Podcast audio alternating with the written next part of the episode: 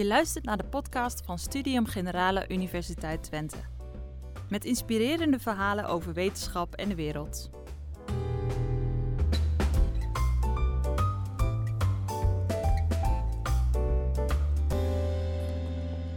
Uh, welkom allemaal bij de tweede Studium Generale Corona-stijl.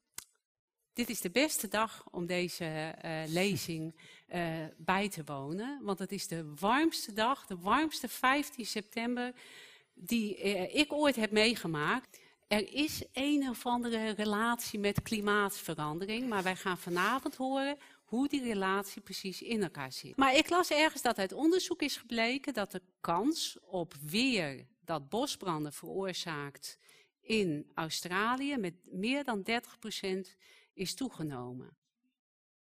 Dat is dus uit wetenschappelijk onderzoek uh, gebleken. En een van die onderzoekers die dat heeft ontdekt is uh, onze spreker van vanavond, Geert-Jan van Oldenborg.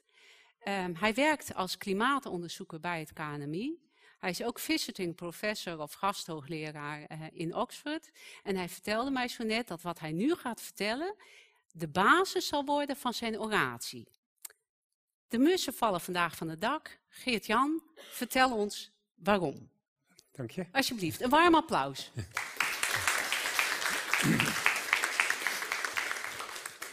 Dus ja, mijn specialiteit de laatste zes jaar ongeveer op het KNMI is proberen de relatie te leggen tussen extreem weer en klimaatverandering. En dat, dit is een beetje een verslag van alles wat we die laatste zes jaar geleerd hebben over die relaties. Dus uh, nou ja, de wereldwijde opwarming, ik uh, neem aan dat iedereen deze grafiek kent. Dat, uh, het wordt warmer op de aarde. Ehm, dit is de wereld, een, schatting van de wereldgemiddelde temperatuur. En per jaar, vanaf ongeveer 1880, vanaf 1880 tot vorig jaar. En vooral sinds midden jaren 70 gaat het gewoon met een ja, redelijk constante snelheid omhoog en wordt het gewoon steeds warmer. En als je even kijkt van waar het daar links zit en uit rechts zit, dan zie je dat we nu ongeveer 1,1, 1,2 graden warmer zijn dan eind 19e eeuw.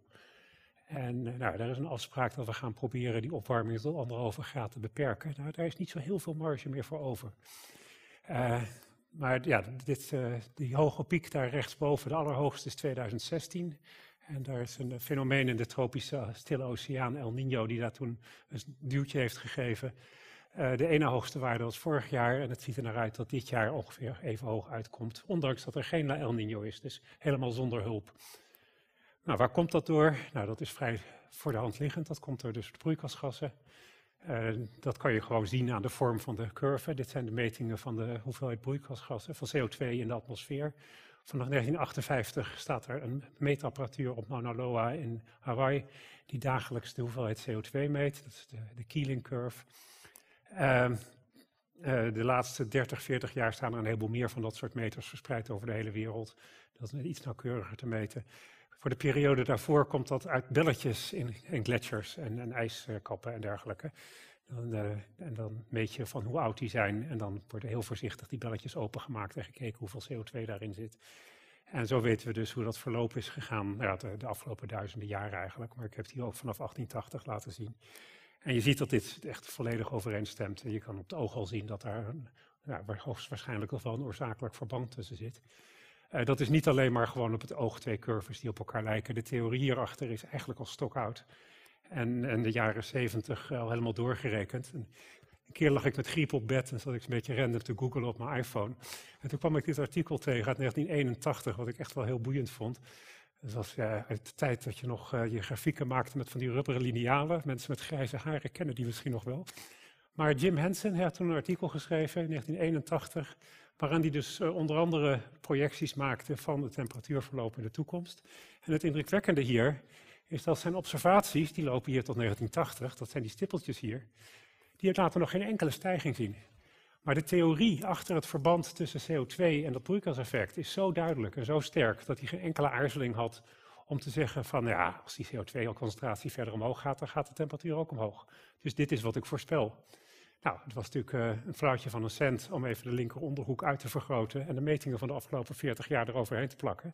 En dan zie je dat dat toch heel netjes is uitgekomen. Ja, hij zat er 30% naast, maar met de primitieve computermodellen en middelen die hij in 1980 had, vind ik dat toch een uh, hele nette overeenstemming.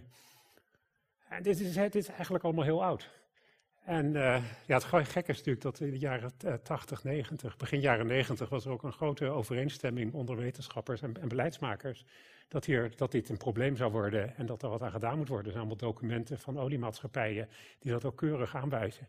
En toen eind jaren 90 hebben de, de oliemaatschappij en de kolenmaatschappij besloten dat het toch iets te duur ging worden. En zijn een hele grote campagne van leugens begonnen om dat maar tegen te houden.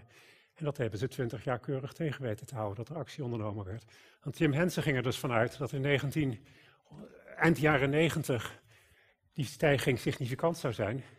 En dat er actie zou worden ondernomen. Dat is dus niet gebeurd. De man is een beetje verbitterd geworden. Hij is nu uh, behoorlijk activistisch. Dat kan ik me ergens ook wel voorstellen. Maar ja, zoals ik al zei, echt nieuw is dit allemaal niet. Maar de opwarming is ook niet eh, uniform over de hele wereld. Dus 1,2 graden wereldwijd gemiddeld wil niet zeggen dat elke plek op de aarde 1,2 graden warmer is geworden. Je ziet hier de opwarming als veelvoud van de wereldgemiddelde opwarming. Dus eh, 1 betekent precies even hard als wereldgemiddeld. 2 betekent twee keer zo hard. 2,5, uh, die donkerste is meer dan 2,5 keer zo hard, dus drie keer zo hard. En het Noordpoolgebied warmt dus drie keer zo hard op als het wereldgemiddelde. Het is eigenlijk nog een beetje erger, want in de zomer warmt het helemaal niet zo hard op. In de winter is het vijf à zes keer zo snel als de wereldwijde opwarming. Dit noemen we een mooi woord voor, dat heet Arctic Amplification. En ik heb de reden daarvoor, er zijn twee, twee redenen voor. De eerste is heel erg simpel.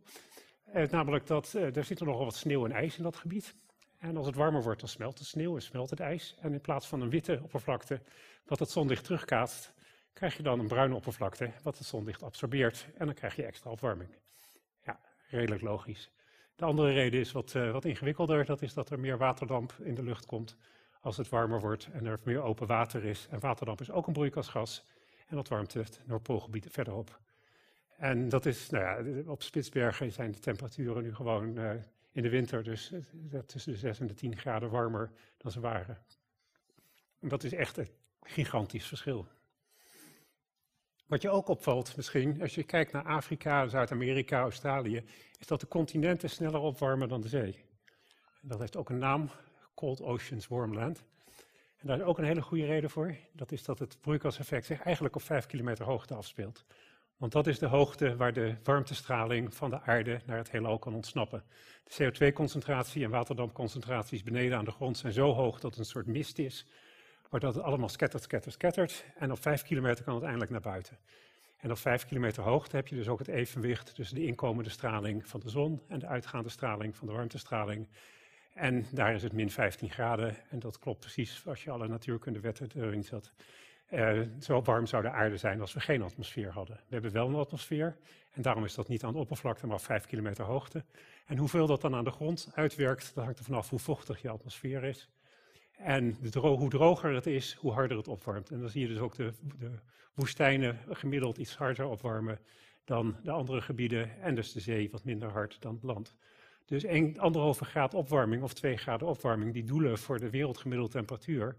Dat wil niet zeggen dat in Nederland ook zoveel opwarmt. Want in Nederland, kan je daar zien, warmt ongeveer twee keer zo snel op als het wereldgemiddelde. Als wij dus een, in slagen om de opwarming tot 2 graden te beperken, dan zal het hier 4 graden warmer worden. Dan is er nog een heel grappig iets, dat vind ik tenminste grappig, interessant. Dat is dat gat. De warming hole noemen we dat. Dat is een stuk met heel weinig opwarming boven de Noord-Atlantische Oceaan. En hier hebben jullie vast van gehoord. Dit is het afnemen van de, wat de warme golfstroom wordt genoemd in de populaire media. Er wordt al vaak gezegd dat het dan hier kouder gaat worden, uh, omdat uh, die, die stroming in de Noord-Atlantische Oceaan stil gaat vallen. Nou, die is dus al langzaam aan het afnemen. En omdat die langzaam afneemt, komt er minder warm water naar het noorden daar. En er is dus een gebied daar op de, Noord-Atlantische Oceaan, wat eigenlijk gewoon niet opwarmt of heel weinig opwarmt. Uh, het enige is dat wij dus, ja, het niet bij ons komt. Dus we hebben er geen last van. En uh, bij ons warmt het dus wel vrolijk op. De, ja, het heeft wel effecten in de zomer, denken we. We denken dat dat, dat, dat koude water daar meer kans geeft op, op zonnige warme zomers bij ons. Dus wat dat betreft is het wel positief iets eigenlijk. Maar ja, dit is allemaal gemiddeld weer. En gemiddeld weer is heel boeiend en leuk en daar kan je hard aan rekenen. Maar waar mensen het meeste last van hebben, is toch meestal extreem weer. Vroeger had ik er staan dat het altijd belangrijker was dan het gemiddelde. Maar toen kwam ik een collega op een workshop tegen van Deltaris. En die zei dat het ongelooflijk vervelend is als je huis met elk springtij onderloopt. En dat dus ook het gemiddelde zeespiegelstijging heel vervelend kan zijn. En dan, dan moest ik hem gelijk geven. Er zijn gebieden in, in Florida en, en, bijvoorbeeld die elke springtij de hele buurt onderloopt. En dat is geen extreem weer en toch heel vervelend. Dus ik heb er toch maar van gemaakt dat, dat de extreme vaak belangrijker zijn dan het gemiddelde. En de rest van deze lezing wilde ik dus eigenlijk dit rijtje van extreme afgaan. Koude golven, sneeuw, hittegolven, zomerbuien, winterneerslag, droogte, bosbranden, orkanen. Heeft iemand nog een ander verzoeknummer? Ik dacht dat ik hier toch wel een, heleboel van wat we hier aan extreem weer hebben. Ja, tornado's niet, maar die zijn er gewoon te klein. Daar, daar kan je niks aan doen. Die, uh, daar valt niet aan te rekenen nog op dit moment. Oké, beginnen we met de koude golven. Hier weer zo'n plaatje van de opwarming van koude golven uh, als veelvoud van de wereldgemiddelde temperatuur. En let wel, de schaal gaat hier van min 5 naar plus 5. Die vorige ging dat 2,5. Deze gaat tot 5. Dus die donkerste kleuren daar is vijf keer zo snel opwarming als de wereldgemiddelde temperatuur. En als maat voor de koude golf heb ik hier de koudste ochtend van het jaar genomen. Dus de, je weet dat de, de, de, temperatuur is het laagste net na zonsondergang. Want de hele nacht is het aan het afkoelen geweest. En als de zon gaat schijnen, dan, wordt het, dan gaat het weer opwarmen. Maar dat is natuurlijk een klein diepje dat de zon nog maar net boven de horizon staat en het nog steeds afkoelt. Dus net na zonsopgang heb je de koudste momenten. Dus dit is de, de koudste temperatuur van het, die gemeten wordt van het jaar.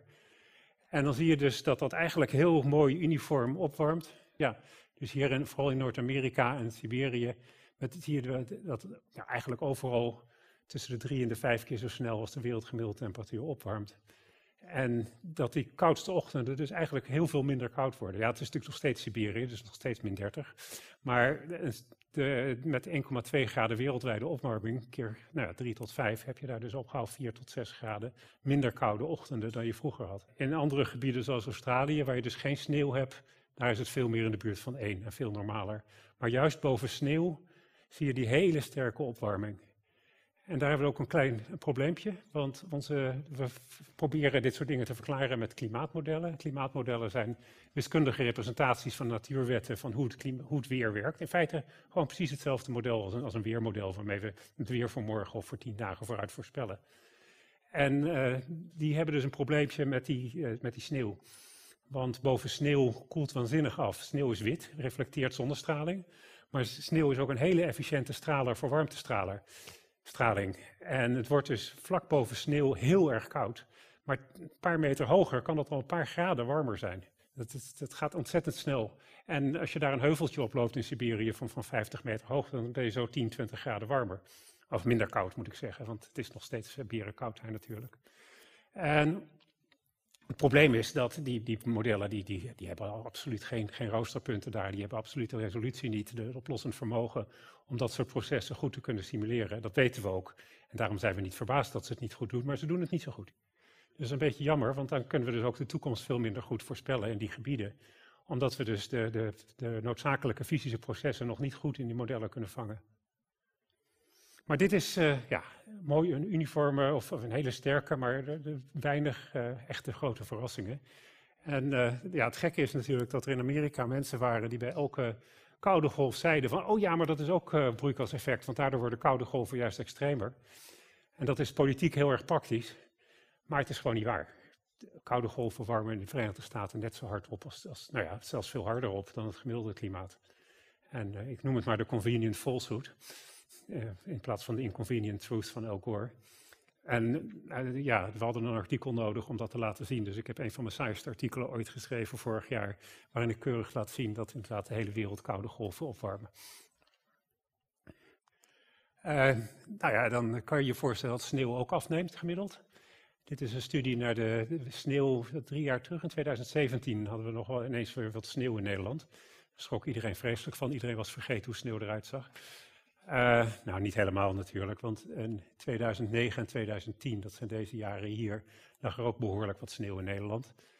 En ik heb gewoon uitgerekend hoeveel gemiddeld millimeter sneeuw er gemiddeld over Nederland zit. Dus dan kan je of een klein stukje heel veel sneeuw hebben, of een groter gebied een beetje sneeuw.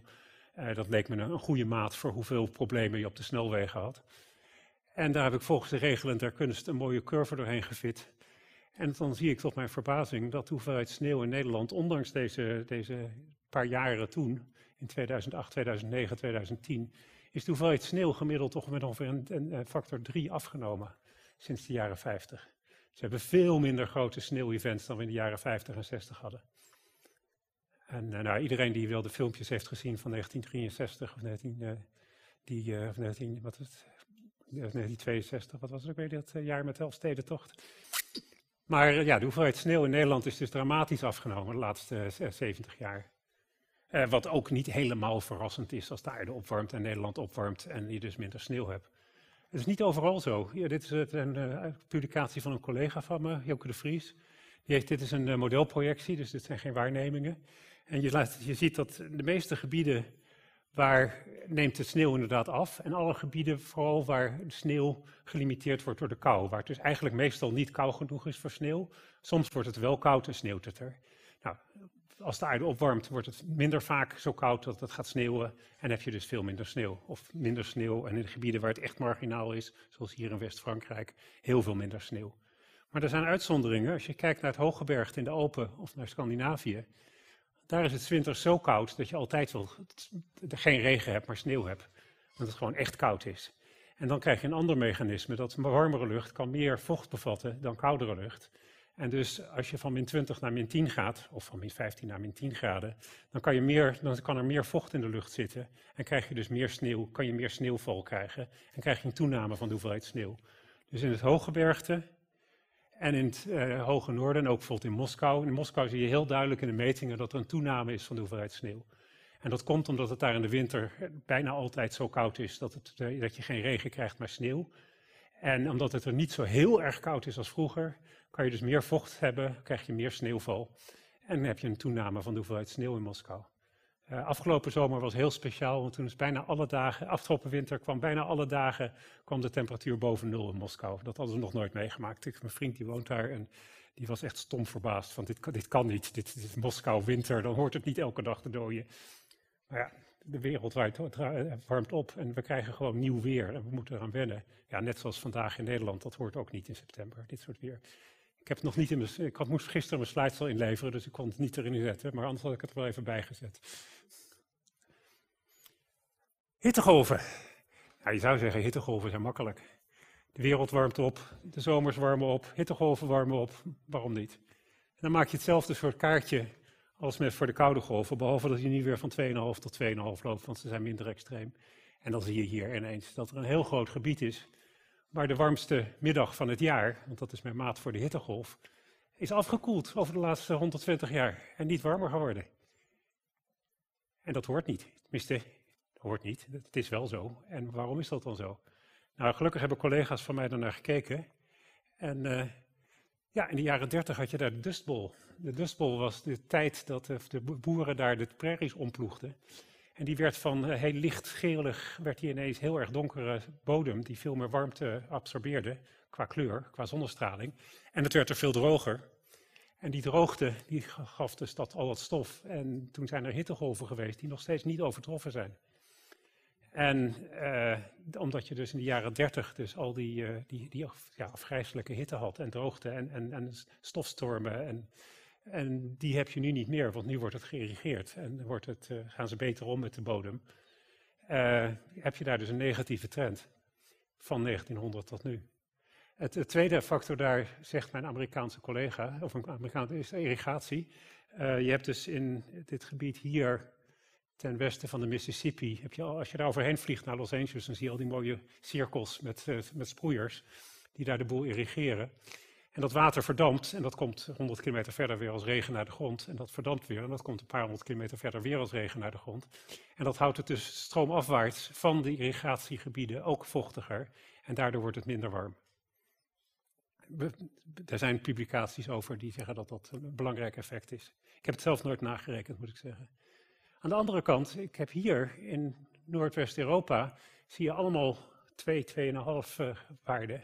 Dat het dus een heel stuk warmer, sneller opwarmt dan de wereldgemiddelde temperatuur. Als je naar Nederland kijkt, dan is het ongeveer 3 graden warmer geworden in hittegolven. Dat vind ik best veel. Dat wil zeggen dat je dus, uh, nou ja, vorig jaar toen het 37 graden werd, 37,5 graden in de beeld, Dat zou dus een verschil maken tussen 34 graden en 37 graden. Nou, dat is een verschil wat je gewoon voelt als je naar buiten gaat. Uh, toen in de jaren 90, wat, toen ik begon met dit, uh, met werken in dit vakgebied, toen was global warming was iets heel abstracts. Dat, waren, dat was jaargemiddelde, wereldgemiddelde temperatuur van een paar tiende graden. Dat was, ja, dat, dat was echt uh, heel ver weg van, van, van je gevoel. En nu loop ik naar buiten en voel ik gewoon het verschil. Dat is echt, dat is dat in, 20, in 25 jaar zo gigantisch veranderd. Maar een klein probleem is dat we dus absoluut niet begrijpen waarom het zo hard gaat. Onze klimaatmodellen zeggen dat het anderhalve graad had moeten opwarmen. En het is drie graden opgewarmd. En ja, die factor 2, die, die weten dus niet waar die vandaan komt. En het staat nog op mijn to-do-lijstje dat ik dat een keer moet uitzoeken, maar dat staat al twee jaar op. En ze vinden allemaal mooie bureaucratische beslommeringen waardoor ik dat niet mag doen. Plus de Australische bushfires, moet ik erbij zeggen. Die heb ik ook nog geanalyseerd. Heeft me ook een behoorlijke hoeveelheid tijd gekost. In Australië trouwens, daar kwamen we dus precies hetzelfde probleem tegen. Dat daar de opwarming veel sneller ging dan de modellen uh, voorspelden. Uh, dat is helemaal niet algemeen, dat is alleen maar in die twee plekken. En we moeten dus een mechanisme vinden dat, dat wat daar al werkt en op andere plekken niet. En uh, ja, we weten dus op dit moment niet wat het is. En dat heet onderzoek, dat je dat nog niet weet en dat je probeert erachter te komen. Uh, de, nou, je ziet ook, een probleem wat we hebben in dit onderzoek is dat we lange meetreeksen eigenlijk alleen maar hebben hier in Noord-Amerika, Europa, Azië en Australië en Zuid-Afrika. Dus als we nog verder willen kijken, moeten we toch eigenlijk een beetje bescheidener zijn. Dus ik kijk hier vanaf 1970. Dan heb je ook wat, uh, wat reeksen uit uh, andere tropische gebieden. En een van de dingen die dan opvalt, is dat in India er geen trend in hittegolven is in temperatuur. En dat komt, daar hebben we dus ook uitgebreid naar gekeken, en dat komt door enerzijds irrigatie. Dus hoe meer water je daar omhoog pompt om de velden te besproeien, dat water verdampt en dat houdt het koel. En anderzijds heb je natuurlijk een gigantische toename van de luchtvervuiling daar. Als je de, de brown cloud boven India is beroemd en berucht. En uh, die houdt veel zonlicht tegen en dat wordt steeds erger en daardoor neemt de temperatuur ook niet toe. Dan kan je ook heel leuk zien trouwens wat voor stammenstrijd er in de, in de wetenschap is. Want de mensen, de stralingsmensen en de, de satellietmensen, die zeggen ja, het is allemaal die luchtvervuiling, want dat hebben we allemaal keurig gemeten. En de, ja, de meer landbouwkundige mensen en de, en de oppervlakte, de, de, hydrologen en zo, die zeggen ja, het is allemaal irrigatie. En ze zeggen allebei dat het 100% van het effect verklaart. Dus uh, een van de twee of allebei moeten overdrijven, want meer dan 100% hoeven we, hoeven we echt niet te verklaren. Dus de, de, de, warmste middag van het jaar is een heel stuk ingewikkelder dan je zou denken. En dat komt gewoon omdat hitte heel erg afhangt van die lokale factoren. Van hoeveel water is er beschikbaar om te verdampen, uh, hoeveel wind is er voor ventilatie, uh, zijn er steden in de buurt, uh, al dat, hoeveel luchtvervuiling is er, al dat soort ongein. En daardoor maakt het, dat maakt het gewoon heel veel moeilijker dan koude golven, waar het meestal ja, hard waait en overal dezelfde temperatuur is en het niet zo afhankelijk is van de lokale factoren. Aan de andere kant, hittegolven zijn dodelijk. We weten niet hoeveel, maar in Nederland zijn afgelopen zomer bij de hittegolf 400 mensen extra overleden. In 2006 waren dat er 1000. Toen kwamen de top 10 van de meest ernstige natuurrampen van dat jaar terecht van het Rode Kruis. Toen schrokken een paar mensen heel erg. En toen is er dus zijn er hitteplannen opgesteld en dat soort dingen om mensen te beschermen. Toen is het aantal doden per graad is meer dan gehalveerd, ongeveer factor 2, 3 teruggebracht. Dus dat, dat werkt wel. Het kan nog beter. En ook in India, het Rode Kruis, met wie ik dus heel veel samenwerk, die hebben daar in de grote steden die plannen lopen. En als het weer heel erg heet wordt, dat mensen naar koele ruimtes worden gebracht en dat ze de, uh, water uitdelen, drinkwater en dat soort dingen. En dat schijnt gewoon ongelooflijk veel mensenlevens te redden.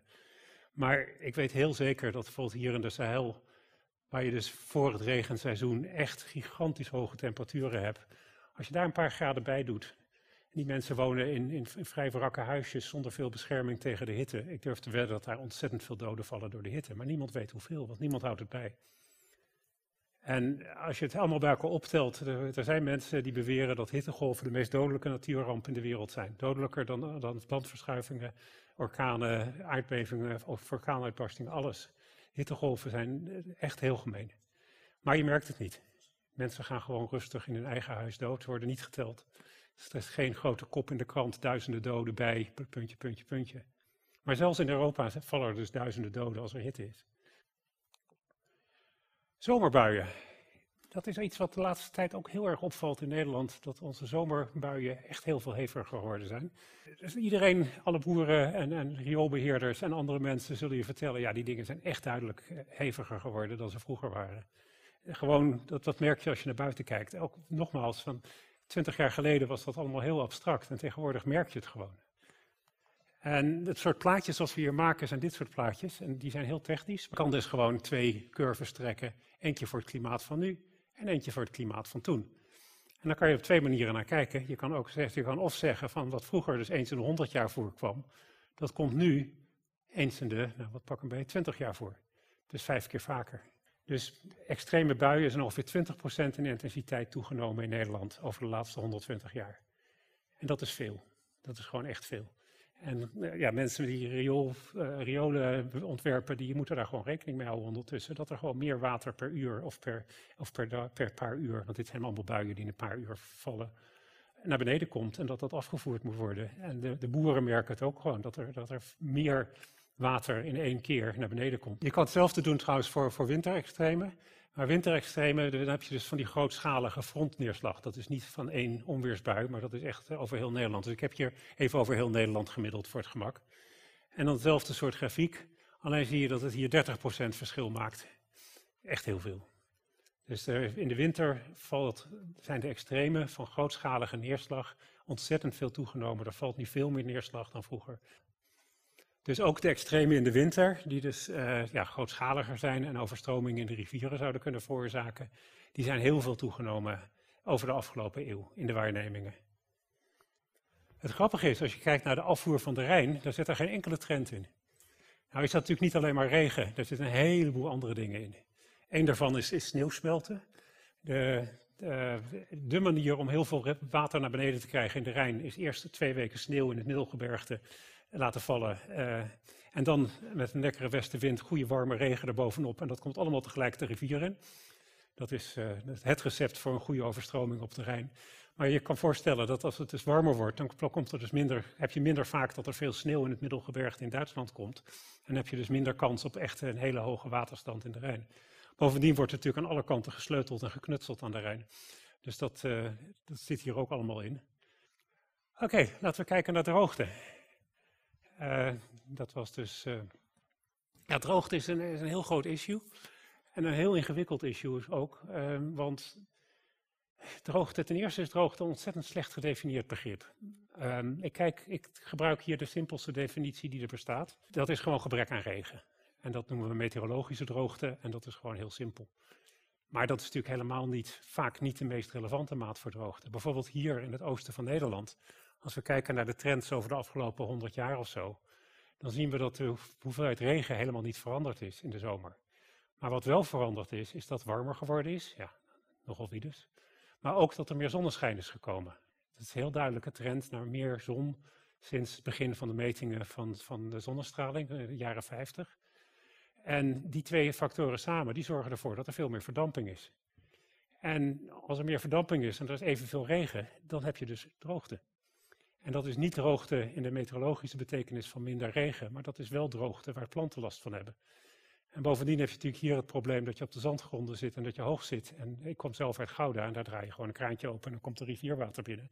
Ja, dat red je dus hier niet, want je bent, nou ja, mijn, mijn buitenlandse collega's lachen me vrolijk uit als ik 10, 20 meter boven NAP hoog noem. Maar we zitten hier hoog, voor Nederlandse begrippen. En dus is, is, is hier de natuur en de landbouw heel gevoelig voor juist die extra verdamping die je krijgt.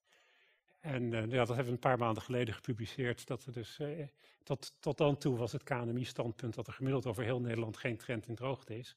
Maar dat hebben we dus bijgesteld, dat er in het uh, zuiden en het oosten wel degelijk een trend is naar meer droogte.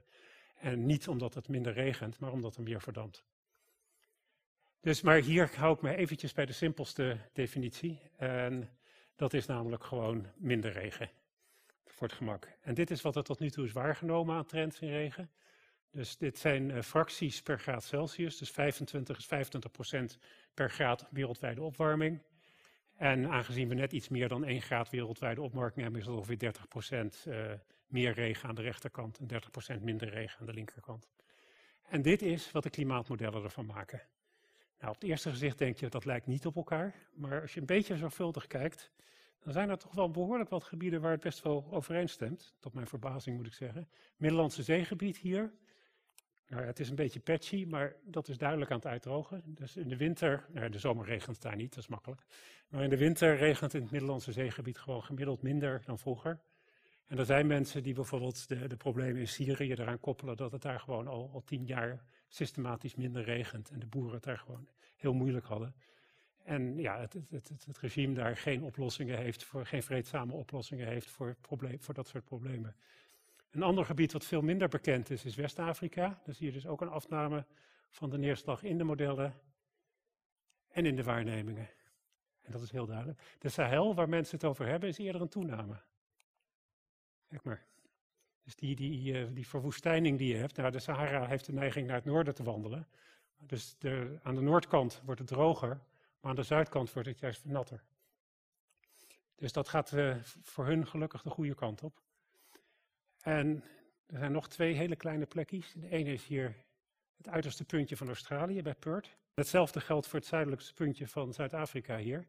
Dat heeft een heel ander klimaat dan de rest van Zuid-Afrika, omdat daar juist in de winter de neerslag valt van winterdepressies die hier over de zuidelijke oceaan gaan.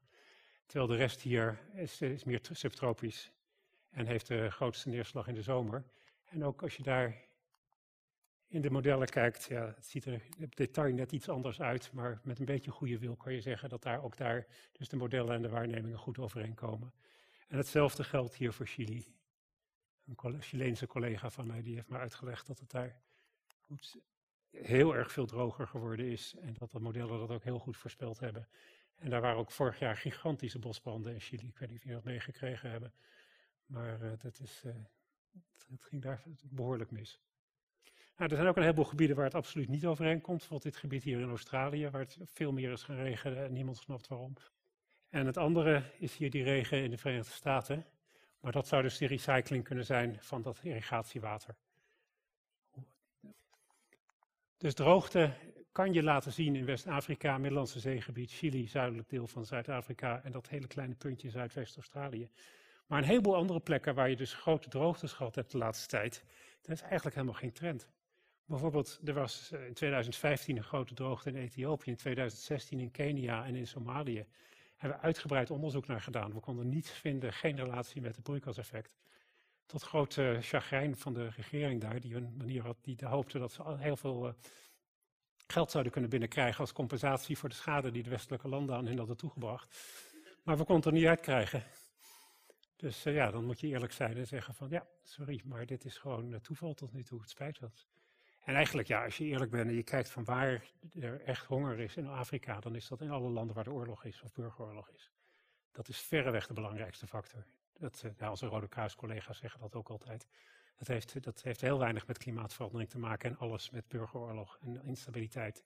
Somalië, Zuid-Soedan, West-Afrika, westelijke Sahel, dat soort gebieden. Zuidoost-Australië, bosbranden. Dat was, uh, ja, het was eigenlijk een, uh, een, vreemde situatie, want ik had overleg met mijn, mijn medeleider van een, een heel losvast uh, gezelschap. We noemen ook onszelf World Weather Attribution. En dat is ene Freddy Otto in Oxford. En wij zijn gespecialiseerd dus in het, in het snel doen van dit soort studies, dat ze zo relevant mogelijk zijn, de resultaten. En normaal gesproken betekent dat dat we hele simpele dingen doen, zoals, als hitte of kou of, of, of, veel regen of weinig regen, maar niets, niets iets ingewikkelds. Maar we zaten elkaar begin januari, hadden we elkaar op de, op de Zoom en we keken elkaar aan en we hadden zoiets van, jongens, dit kunnen we gewoon niet niet doen. Dit is, dit is te belangrijk, ook de politieke achtergrond natuurlijk in Australië. Er was nog geen enkel artikel wat liet zien dat er een verband is tussen bosbranden en... Uh, en het broeikaseffect. En er werd door politici allerlei dingen geschreeuwd. En we dachten dat we misschien in eindige tijd, of in redelijk uh, korte tijd, daar een, een wetenschappelijk verantwoord uh, antwoord op konden geven. Dus toen hebben we besloten het toch maar te doen. En ik was de enige die tijd had, dus ik mocht het leiden. En we hadden er vier weken voor uitgetrokken. Uh, acht weken later, het was toch een stuk ingewikkelder dan ik gedacht had, hebben we het opgestuurd naar een tijdschrift. En een persconferentie gegeven met de resultaten. En één week later was er een bijeenkomst op de Bureau of Meteorology hier in Melbourne. daar ook geloof ik. Of die, een van die twee punten. Waar allerlei politici en commissies en zo zich niet informeren over het verband tussen broeikaseffect en bosbranden. En die Australiërs konden daar keurig met onze resultaten wapperen. En als we het dus meer dan een week later hadden uitgebracht, dan was het gewoon niet nuttig geweest. Het enige probleem is dat we het redelijk slordig hebben opgeschreven, of ik vooral. En uh, we krijgen nu allemaal hele negatieve reviews dat het niet netjes is opgeschreven, het wetenschappelijk artikel. Dus daar baal ik een beetje van. Maar goed, daar zal ik er toch een antwoord op moeten geven. Maar ik weet heel zeker dat de getallen kloppen en dat vind ik ook belangrijk. Nou, hoe hebben we dat toen uitgerekend? We hebben dit, uh, in dit gebied gekeken hier, waar de meeste bosbranden waren. Dat is ook het dichtst bevolkte gebied van Australië. Het waren niet de grootste bosbranden in, in vierkante kilometers en al dat soort dingen. Maar het was wel een gebied waar echt veel mensen woonden. En jullie weten dat een paar jaar geleden hebben ze in Australië een nieuwe categorie bosbranden ingevoerd. Want ze hadden daar dus gewoon een aantal een schaal van bosbranden tot ernstig. En de, ja, de, keuze was altijd, zeggen mijn Australische vrienden, van je, je maakt een keuze. Of je, gaat, of je vlucht, of je blijft bij je huis en je verdedigt het. Maar je gaat dus niet van gedachten veranderen halverwege, want dan ben je het haasje. Want zo'n bosbrand gaat 50 km per uur en die haalt je gewoon in. En uh, toen was het de Black, uh, ze hebben allemaal van die mooie namen, Black Friday, Black Saturday, een paar jaar terug. Toen bleek dus dat de, de, de hitte tegenwoordig zo groot is dat er bosbranden zijn, waardoor je gewoon je huis niet meer kan verdedigen. Zelfs niet met een paar kubieke meter watertank die iedereen daar in zijn achtertuin heeft. Je, je houdt de boel gewoon niet heel. En toen hebben ze een nieuwe categorie ingevoerd, catastrofaal. En dat betekent iedereen weg. Ja, ook, ook al heb je een watertank, wegwezen. En uh, ja, dat bleek dus heel hard nodig, omdat door die extra hitte gewoon de, de bosbranden heviger zijn, de temperaturen hoger zijn. Maar het is best wel indrukwekkend. Ik was daar bij vrienden op bezoek in Adelaide een paar jaar terug. En die parkeren dus altijd met de neus van de auto naar de weg toe. En een tas achterin met paspoorten en fotoalbums en alles. Uh, voor het geval er een bosbrand komt. Uh, dit gebied is dus, was ons gebied. En we keken daar naar de droogte, naar de temperatuur en naar de kans op bosbranden. En de kans op bosbranden is natuurlijk alleen maar de kans op bosbranden door weer. En daar hebben de Canadezen ooit een hele mooie wiskundige formule voor gevonden, de Fire Weather Index. En die beschrijft de variaties van jaar tot jaar in hoeveel er afbrandt heel erg netjes. Dus die gebruiken, we, die gebruiken de Canadezen ook voor, voor voorspellingen en een heleboel andere landen. En die, we kijken dus of er een trend zit in die Fire Weather Index. Maar om te begrijpen waar die trend vandaan komt, kijken we ook naar de onderliggende factoren. En de belangrijkste factoren zijn de hitte en de droogte natuurlijk. Dan eerst naar de droogte kijken. En dat hebben we op twee tijdschalen bekeken. De eerste is het hele jaar, want 2019 was het droogste jaar ooit in dat gebied. En dan zie je dat er een tendens is naar meer droogte, maar is niet statistisch significant. En we kunnen uiteindelijk er niet iets echt met heel erg hard over zeggen.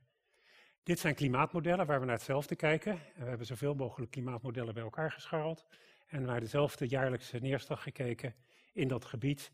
En ja, die fluctueren gewoon om nul. En dat betekent dat het stuk wat we begrijpen, wat dus door de klimaatverandering komt, is nul. En dan is er of een natuurlijke fluctuatie, wat het meest waarschijnlijk is, of iets anders, waardoor de waarnemingen misschien ietsje droger zijn.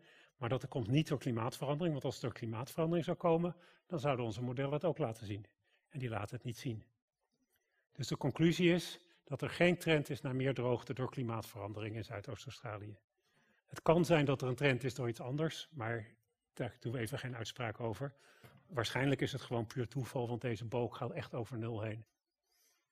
Nou, hetzelfde kunnen we doen voor droogte binnen het, het bushfire-seizoen, want het grappige is dat die Fire Weather Index helemaal niet gevoelig is voor regen in de winter. Die gaat, is eigenlijk alleen maar gevoelig voor regen in het bushfire-seizoen zelf. En het bushfire-seizoen is het voorjaar en de zomer. Dus dat is september tot februari. In mei eh, brandt het daar niet. En als je daarnaar kijkt, dan zie je eigenlijk dat de waarnemingen dus ook geen trend hebben. De modellen geen trend hebben. En het is heel simpel, we vinden geen trend in droogte in Zuidoost-Australië die van invloed is op de bosbranden. Dus dat is een nulresultaat. Dan kijken we naar hitte. Nou ja, hitte zou je verwachten dat daar wel een trend in zit. Precies wat we vinden. En alleen het enige probleem is, wat ik ook al in het vorige plaatje liet zien, is dat dus de waargenomen trend veel uh, groter is dan de voorspelde trend. Als je hier kijkt naar de trend in de modellen, is dat rond de 1 graad op, van tot nu toe. En in de waarneming is dat eerder 2. Dus, maar omdat de modellen de, de opwarming onderschatten, kunnen we geen beste waarde verkrijgen voor hoeveel waarschijnlijk het geworden alleen een ondergrens geven. Omdat die ondergrens zeker is, maar de middelste waarde niet. En als we dan kijken naar die Firewender-index, dan hebben we veel minder modellen, want daar moet je heel veel meer gedetailleerde data voor hebben. Maar de waarnemingen laten ook een hele grote toename zien van het risico op bosbranden. De modellen een veel minder grote toename. En alweer die grote discrepantie tussen waarneming en modellen. En vanwege die discrepantie zeggen we tenminste 30%, maar we denken dat het veel meer is. De conclusie was op basis van de modellen dat je dus een ondergrens hier hebt van 30%. Maar je kan zien dat dat gewoon echt een hele, hele ruime ondergrens is waarschijnlijk. En dat het werkelijke effect echt uh, vele malen groter is. Maar dat kunnen we niet hard maken. Dus ja, dan kan je het ook niet claimen. En dan moet je dat ook niet doen, vind ik. Uh, het enige wat nu nog overblijft is de tekst literair wat beter maken. En wat, uh, wat meer, meer, netjes wetenschappelijk opschrijven. En dan hoop ik dat het artikel alsnog geaccepteerd wordt. Maar ik moet toegeven dat het met vier reviewers toch een behoorlijke vervelende klus is om dat allemaal goed te krijgen. Dan, orkanen. Um, nou, een van de dingen die echt duidelijk zijn van orkanen is dat ze veel meer regen geven. Is een foto van Harvey in 2017, die hebben we ook geanalyseerd. En daar zag je dat heel erg duidelijk. En de grootste schade van de meeste orkanen komt door de regen. Dat is 60, 70 procent van de schade. Hangt wel erg van de orkaan af. Een paar weken terug was er Laura in de VS, die ging heel erg hard. En daar was het voornamelijk windschade. Maar de meeste, en Harvey was natuurlijk heel uitzonderlijk, want die bleef drie dagen boven Houston hangen. En daar ging 40 centimeter regen naar beneden. Dat is zoveel water. Dat is gigantisch. Zeker als je een beetje heuvels hebt en het allemaal naar het laagste punt gaat, waar het ineens zoveel water wordt. Wat je dus hier ook heel keurig kan zien. En dat, daar, zijn alle modellen en waarnemingen en iedereen het over eens dat je dus meer regen krijgt van orkanen. En waarschijnlijk krijg je ook meer wind van orkanen. Dit is de, de windschade op Sint Maarten van orkaan Irma. En uh, windschade is over het algemeen een stuk minder dan de regenschade, maar dat hangt dus inderdaad hangt erg van de orkaan af. En natuurlijk de wind bepaalt ook de stormvloed. Dus de, de opzet aan de kust, die het, de orkaan aan de rechterkant het water naar de kust doet, uh, duwt. En het laatste effect is de aantallen. En de modellen laten zien dat er waarschijnlijk geen verandering is in het aantal, aan, het aantal orkanen. Uh, dus je krijgt wel meer sterke orkanen, maar dat wordt gecompenseerd door, minder niet-sterke orkanen. Of dat er zelfs een kleine afname is. Maar dit jaar gaat het een beetje mis. Uh, dit plaatje had ik gisteren al gemaakt. Dit, vandaag is nog erger. Vandaag zie je dus in de Noord-Atlantische Oceaan twee categorie 2 orkanen, drie tropische stormen, vijf actieve systemen tegelijk in de Noord-Atlantische Oceaan. En ze zijn nu dus bij de V, want de AL21 is al tussen Vicky geworden. En nog eentje en ze moeten de Griekse letters in. Dat is nog maar één keer eerder voorgekomen in 2005. Dus uh, ja, dat er geen trend is naar meer orkanen of meer tropische stormen, dat is allemaal heel leuk theoretisch. Maar als je dit zo ziet, dan begint je toch een beetje te twijfelen of dat echt wel zo is. En of er niet toch een trend is. Moet je natuurlijk vreselijk mee uitkijken. Want we hebben nu satellieten, dus elke storm wordt opgepikt. En voor 1979, ja, als het een heel klein stormpje was die twee dagen bestond, dan was de kans groot dat niemand hem zag. Dus dan krijg je automatisch een stijgende trend, zonder dat er echt iets veranderd is in het klimaat, gewoon omdat je betere waarnemingssystemen hebt tegenwoordig. En net op die dag dat het hier ook al belachelijk heet is. En uh, klimaatverandering is toch gewoon, ja, nou, of dit, klimaat, dit klimaatverandering is, weten we dus niet, het aantal. Want zoals ik al zei, de, de modellen voorspellen niet dat er meer tropische stormen komen. En dit is geen signaal van klimaatverandering. De hitte in Nederland in september wel, uiteraard. Uh, de septemberhitte is, houdt zich gewoon keurig aan alle regeltjes. De wereld wordt warmer, Nederland wordt warmer, de herfst wordt warmer en de heetste dagen in september worden warmer. Ongeveer 1,6 graden heb ik in de trein hier naartoe even uitgerekend. Dus, conclusies. Uh, niet alle extremen worden erger. Er zijn een heleboel mensen die zeggen alles wordt erger. Nee, is niet zo. Helaas, de wereld is gecompliceerder dan je zou denken. Uh, koude golven nemen af. Ja, ook niet zo heel erg verrassend in de opwarmende aarde eigenlijk.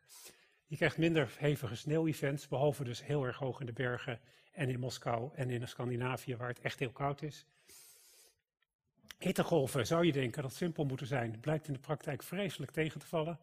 En uh, het zijn veel ingewikkelder dan je zou denken, omdat ze af, ook van allerlei lokale factoren afhangen, zoals irrigatie, En, uh, een heel mooi voorbeeld vind ik altijd de, de, thermometers in Madrid en Dublin.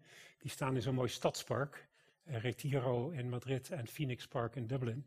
En uh, daar zie je hele vreemde stijgingen en dalingen in de matrix. En mijn interpretatie is dat dat 100% afhangt van het schema van de sproeiing van het gazon daar. en niets met klimaatverandering te maken heeft. dus die metingen gebruiken we niet. We gaan naar vliegvelden toe, waar er minder gesproeid wordt. Um, extreme zomerbuien. Een paar jaar terug, een collega van me heeft daar uh, heel veel werk aan gedaan. Tien jaar terug was dat nog helemaal niet duidelijk, maar tegenwoordig alle boeren en alle rioolmensen vertellen je, die worden echt veel heviger. Wat ook wel logisch is, als je naar Frankrijk gaat en je kijkt hoe groot daar de, de putten in de weg zijn. Bij ons zijn ze zo bij zo, in Frankrijk zijn ze zo bij zo. Daar is een reden voor. Nou, die buien die komen dus naar het noorden, die komen naar ons toe. Wij krijgen meer Franse buien. De grootschalige winterneerslag in Nederland neemt toe, ook de extreme nemen sterk toe. Dat zie je al in de bosatlas. Droogte, ja, is ingewikkeld. Uh, ten eerste zijn er dus heel veel verschillende definities van droogte. Houden we ons bij de simpelste definitie, namelijk een, een afname van de hoeveelheid neerslag, dan zijn er een paar gebieden waar je het aan klimaatverandering kan koppelen. Maar dat zijn er niet zo gek veel. En een heleboel andere gebieden waar dus ja, hele nieuwswaardige droogtes waren, blijkt dus dat dat helemaal niets met klimaatverandering te maken heeft. En dat is ook een uitkomst die we gewoon accepteren in ons onderzoek. Van het kan ook zijn dat er gewoon geen verband is. En dat, moet, dat is net zo goed een relevante uitkomst. En als dat dan hele grote problemen heeft opgeleverd, zoals in Kenia in 2016, dan betekent dat dat het land niet goed voorbereid is op droogtes die gewoon zo nu en dan voorkomen.